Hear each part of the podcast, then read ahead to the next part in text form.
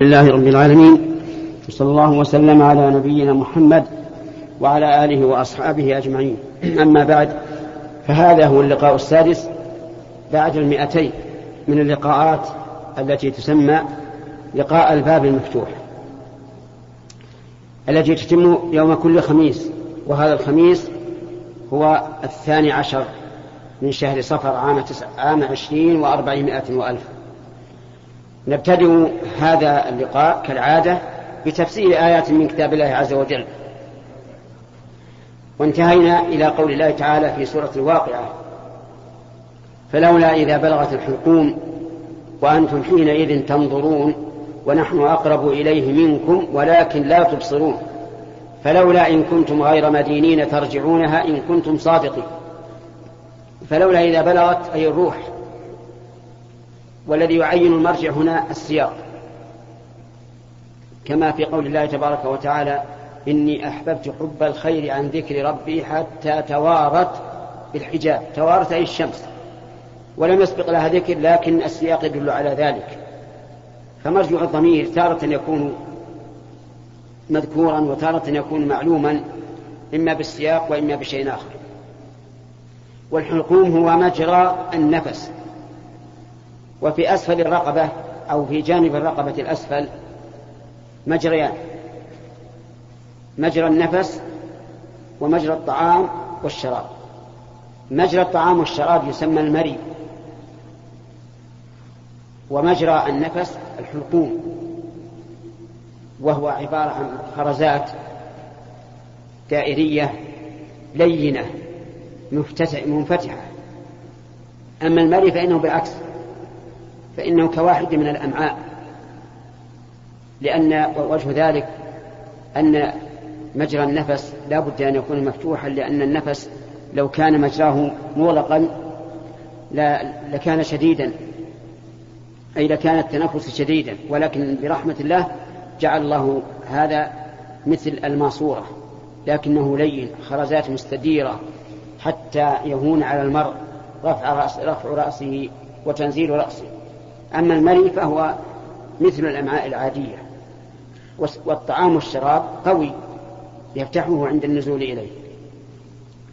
وذكر الله الحلقوم دون المري لأن الحلقوم مجرى النفس وبانقطاعه يموت الإنسان. يعني إذا بلغت الروح الحلقوم وهي صاعدة من أسفل البدن إلى هذا الموضع وحينئذ تنقطع العلائق من الدنيا ويعرف الإنسان أنه أقبل على الآخرة. وانتهى من الدنيا. وأنتم حينئذ تنظرون أي تنظرون إلى الميت وما يعانيه من المشاق والسكرات ولا تستطيعون أن تردوا ذلك عنه.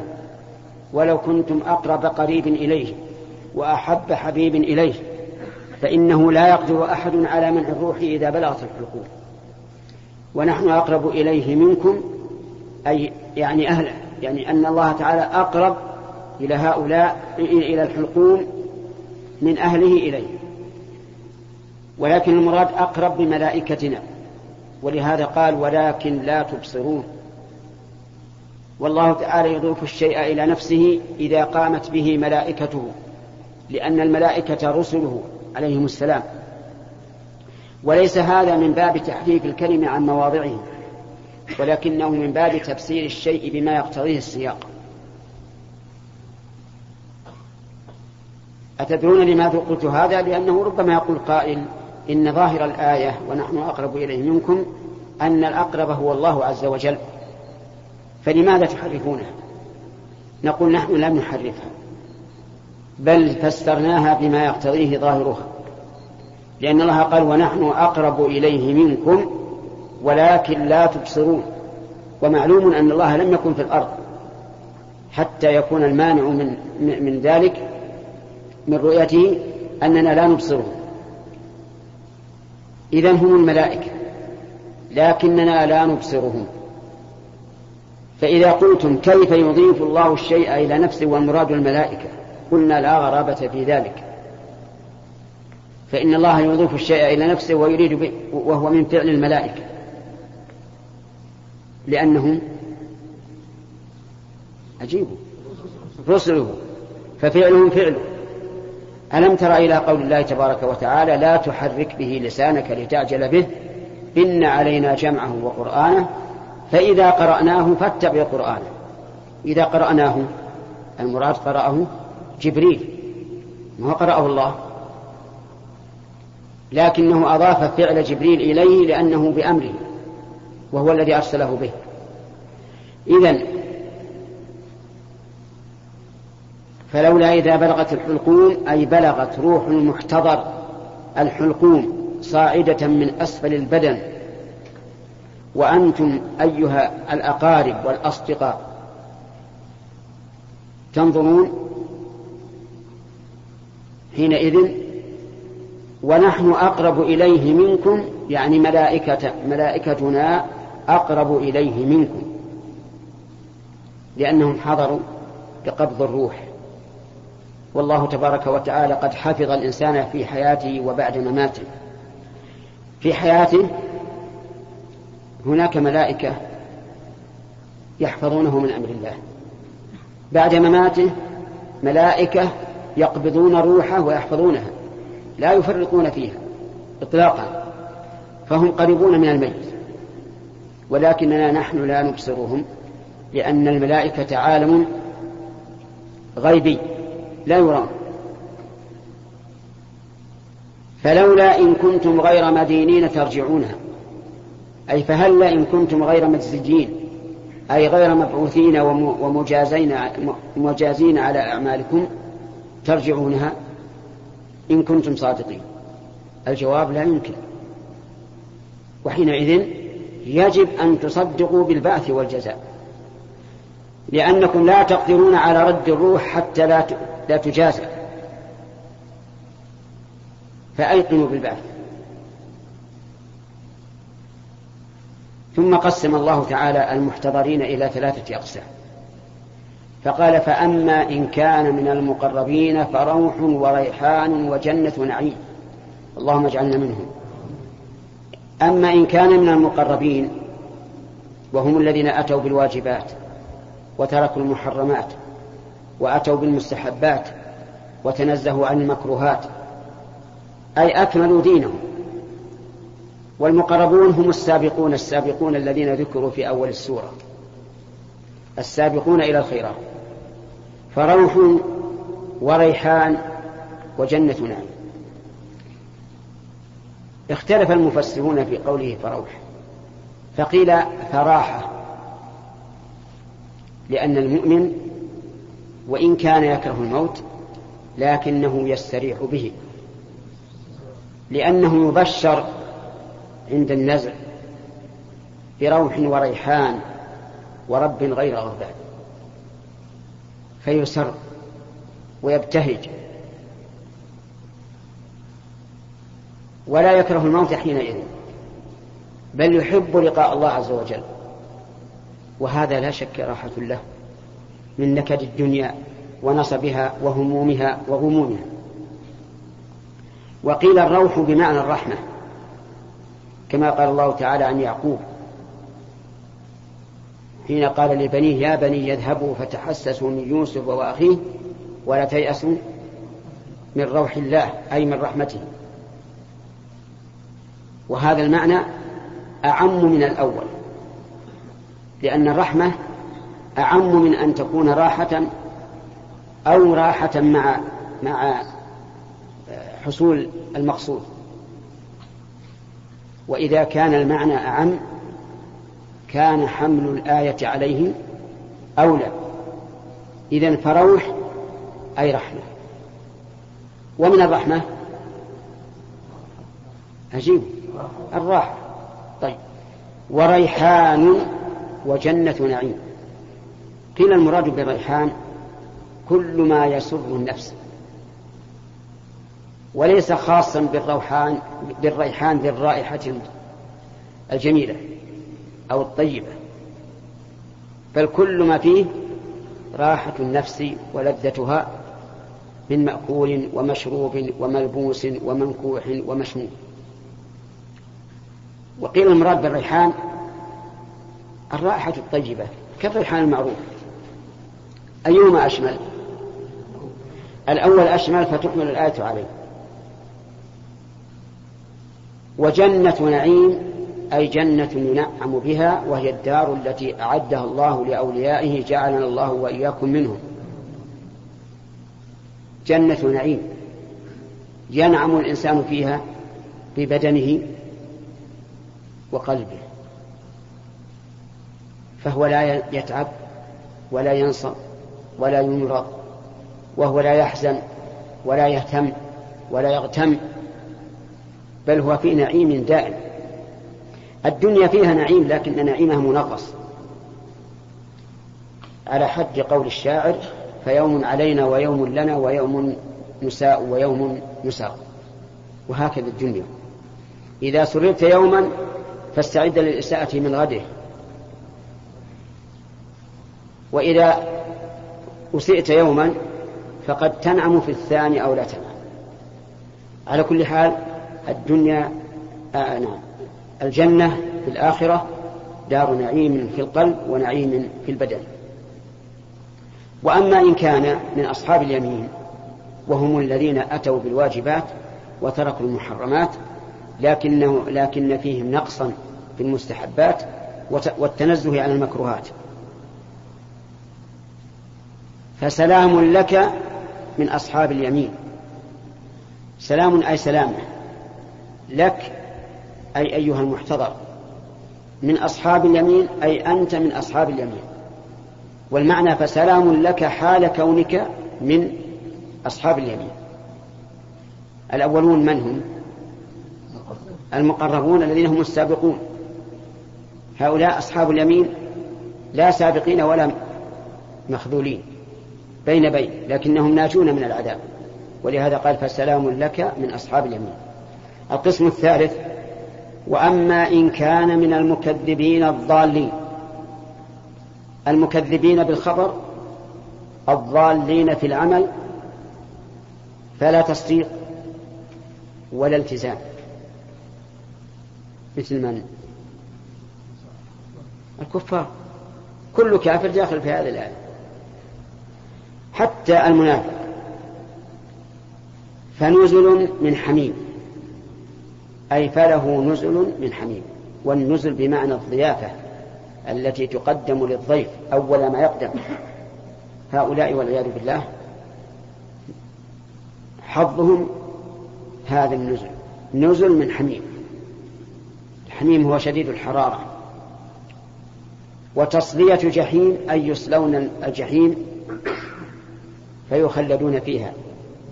والجحيم من أسماء النار. أعاذنا الله وإياكم منها. إن هذا لهو حق اليقين. إن هذا المذكور لكم. وهو انقسام الناس إلى هذه الأقسام الثلاثة. لهو حق اليقين. أي اليقين المحقق المتأكد. وصدق الله عز وجل. لا يمكن أن يخرج الناس عن هذه الأقسام الثلاثة. وهي الأخ.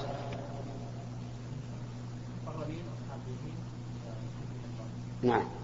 المقربون وأصحاب اليمين والمكذبون الضالون لا يمكن يخرجوا عن هذا. فسبح باسم ربك العظيم. سبح بمعنى نزه والذي ينزه الله عز وجل عنه كل نقص وعيب أو مماثلة للمخلوق. فهو منزه عن كل نقص لكمال صفاته وعن مماثلة المخلوق قال الله تعالى ليس كمثله شيء وهو السميع البصير. وقال تعالى ولقد خلقنا السماوات والأرض وما بينهما في ستة أيام وما مسنا من لغوب. أي من تعب وإعياء. وقول باسم ربك قيل إن الباء زائدة وإن المعنى سبح اسم ربك كما قال تعالى سبح اسم ربك الأعلى. وقيل إنها ليست بزائدة وأن المعنى سبح الله باسمه. فلا بد من النطق بالتسبيح. فتقول سبحان الله أما لو نزهته بقلبك فهذا لا يكفي. فعلى هذا تكون الباء للمصاحبة. يعني سبح الله مصحوب نعم تسبيحا مصحوبا باسمه. باسم ربك العظيم. الرب هو الخالق المالك المدبر والعظيم ذو العظمة والجلال جل وعلا. هذه السورة لو لم ينزل في القرآن إلا هي لكانت لكانت كافية في الحث على فعل الخير وترك الشر. ذكر الله تعالى في أولها يوم القيامة إذا وقعت الواقعة ثم قسم الناس فيها إلى كم؟ ثلاث أقسام السابقون وأصحاب اليمين وأصحاب الشمال. ثم ذكر الله في آخرها حال الإنسان عند الموت وقسم كل واحد كل الناس قسمهم إلى ثلاثة أقسام. مقربون وأصحاب يمين ومكذبون ضالون. فهي قد اشتملت على كل شيء. وكما ذكر الله في ابتداء الخلق في قولها أفرأيتم ما تمنون أأنتم تخلقونه؟ والرزق من طعام وشراب وما يصلحهما فهي سورة متكاملة ولهذا ينبغي للإنسان أن يتدبرها إذا قرأها كما يتدبر سائر القرآن. لكن هي اشتملت على معاني عظيمة. وإلى هنا ينتهي الكلام على هذه السورة. نبدأ الأسئلة من اليمين.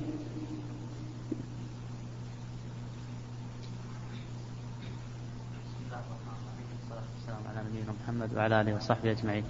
فضيلة الشيخ آه، عندما قالت أم المؤمنين عائشة رضي الله عنها للنبي صلى الله عليه وسلم كلنا يكره الموت. فقال إن المؤمن إذا بشر بلقاء الله حب لقاء الله فحب الله لقاءه. هل البشرى عند الموت أو بعد الموت؟ لا عند الموت. هذا الحديث ذكرت عائشة رضي الله عنها لما ذكر النبي صلى الله عليه وسلم من أحب لقاء الله أحب الله لقاءه ومن كره لقاء الله كره لقاءه. قالت يا رسول الله كلنا يكره الموت. لأنها تعرف أن لقاء الله يحصل بالموت. كما قال جل وعلا يا أيها الإنسان إنك كادح إلى ربك كادحا فملاقيه. قال لها ليس ذلك. وإنما المراد أن الإنسان إذا بشر عند الموت بالجنة أحب لقاء الله. ولهذا يظهر في بعض الموتى يظهر على وجوههم أثر السعادة والسرور. حتى إن رجلا ذكر لي عن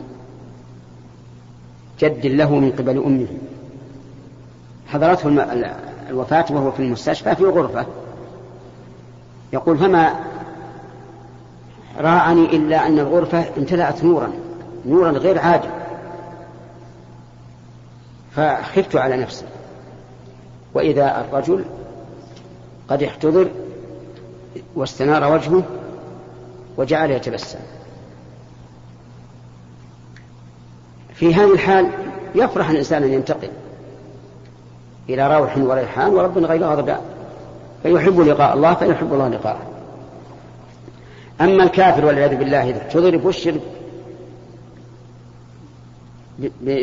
بعقوبة بالنار ورب غضبان فيكره الموت.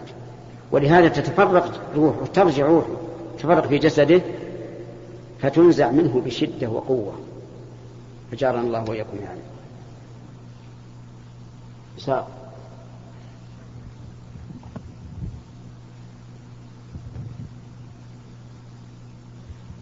بسم الله الرحمن الرحيم.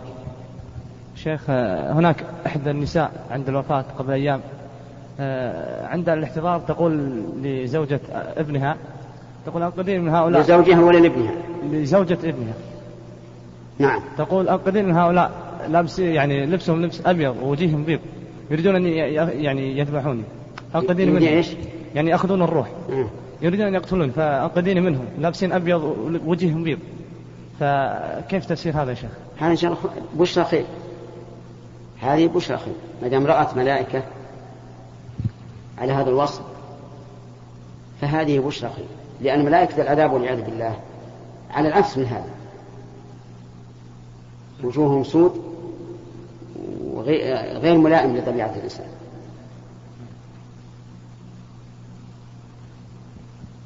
أكرمك الله يا شيخ. هل ثابتة هذه اللفظة؟ هل هل ثابتة اللفظة في السنة؟ هل ثابتة اللفظة. لفظة الحديث النبي صلى الله عليه وسلم أنه قال المؤمن الذي يرى مكانه من الجنة نام نام نومة العروس إلى يوم القيامة؟ هل يقال له هذا يا شيخ أم لا يقال؟ بهذا اللفظ ما ورد. ما أعلم أنه ورد. لكن ورد أنه, أنه يعني يقال له نم مستريحا أو كلمة نحوه. إسحاق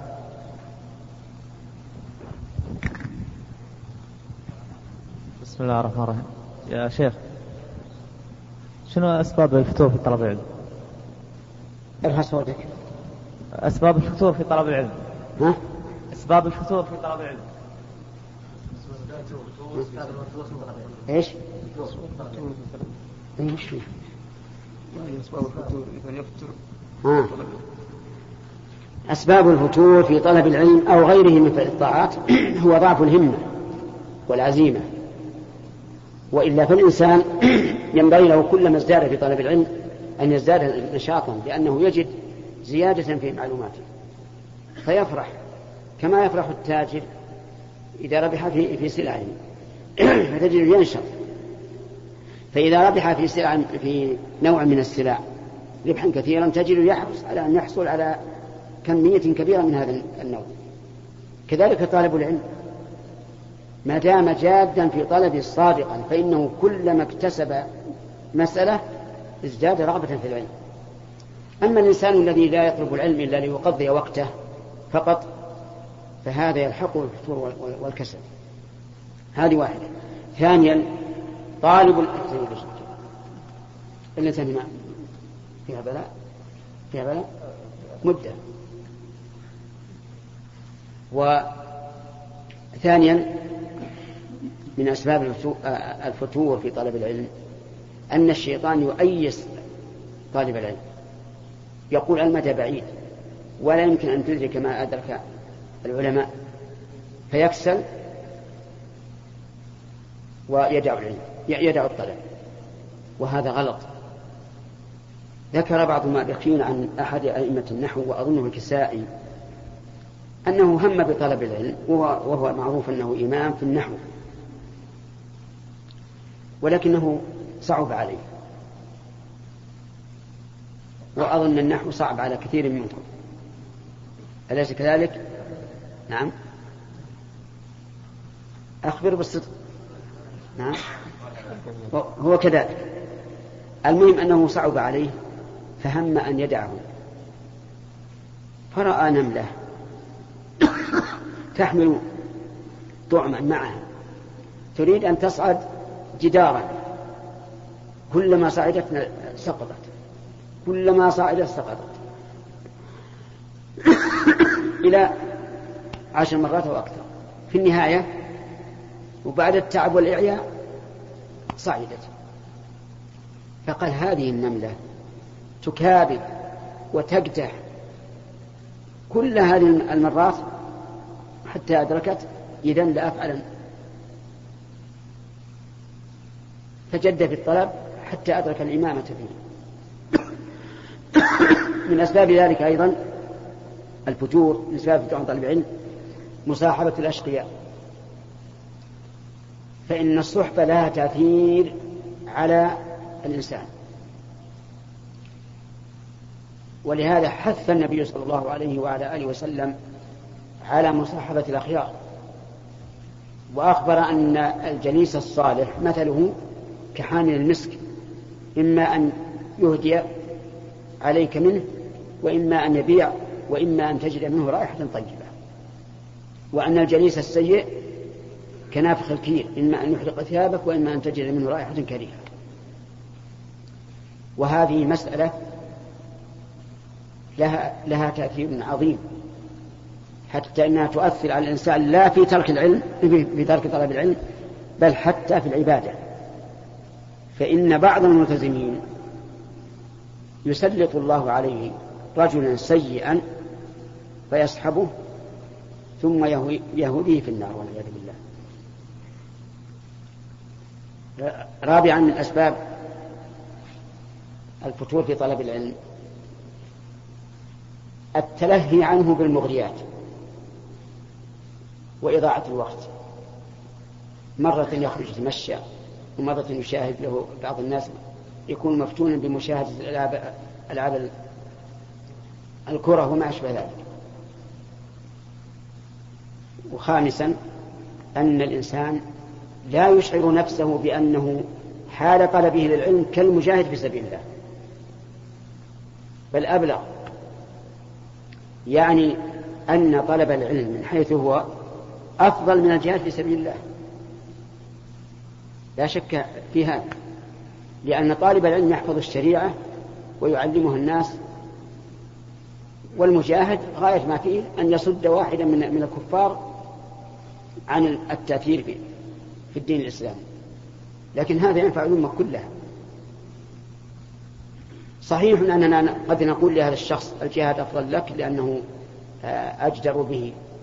ونقول للآخر طلب العلم أفضل لك. لكن قصدي إن, أن طلب العلم من حيث هو أفضل من الجهاد في سبيل الله. وقد قال الله تعالى وما كان المؤمنون لينفروا كافة. فلولا نفر من كل فرقة منهم طائفة يعني وقعد طائفة ليتفقهوا في الدين أي القاعدون ولينذروا قومهم إذا رجعوا إليهم لعلهم يحذرون. هذه الآن حضر من أسباب الفتور في طلب العلم. فعليك أيها الطالب أن تكون ذا همة عالية وأن تترقب المستقبل وأنك بإخلاصك النية لله قد تكون إماما في الإسلام. نعم. اليمين. قل يا شيخ إذا فات ال ال الإمام إذا سجد السهو. إذا. الإمام إذا سجد للسهو بعد التسليم. نعم. فكيف أن يعلم المأموم من فاتت بعد الصلاة بعد من فاتت بعد كيف يعمل؟ لا أقول إذا سجد للسهو بعد السلام. بعد السلام. فكيف يعمل المسبوق؟ أي نعم. نعم. إذا سجد الإمام بعد السلام فالمسبوق لا يتابعه بل إذا سلم الإمام من الصلاة قام المسبوق وقضى ما فاته. أما السجود فإن كان قد أدرك سهو الإمام وجب عليه أن يسجد بعد السلام. وإن كان الإمام قد سهى قبل أن يدخل معه هذا المسبوق فلا سجود عليه. ها؟ كيف يعرف أن سهى قبل؟ المأموم كيف يعرف أن الإمام سهى قبل دخوله؟ يعلم ذلك إذا كان دخل معه في الركعة الثانية. دخل المسبوق في الركعة الثانية. وسجد الإمام في الركعة هذه الثانية ثلاث مرات. سهوا. علم الآن أنه أنه أدرك السهو؟ طيب. أما إذا لم يكن خلل بعد أن دخل معه فلا سجود عليه. لا لو كان الخلل عليه في السر مثل النسيان التسبيح سبحان ربي الأعلى سبحان ربي العظيم. النسيان التسبيح يكون السجود قبل السلام.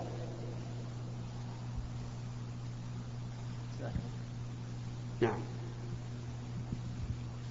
اليسار.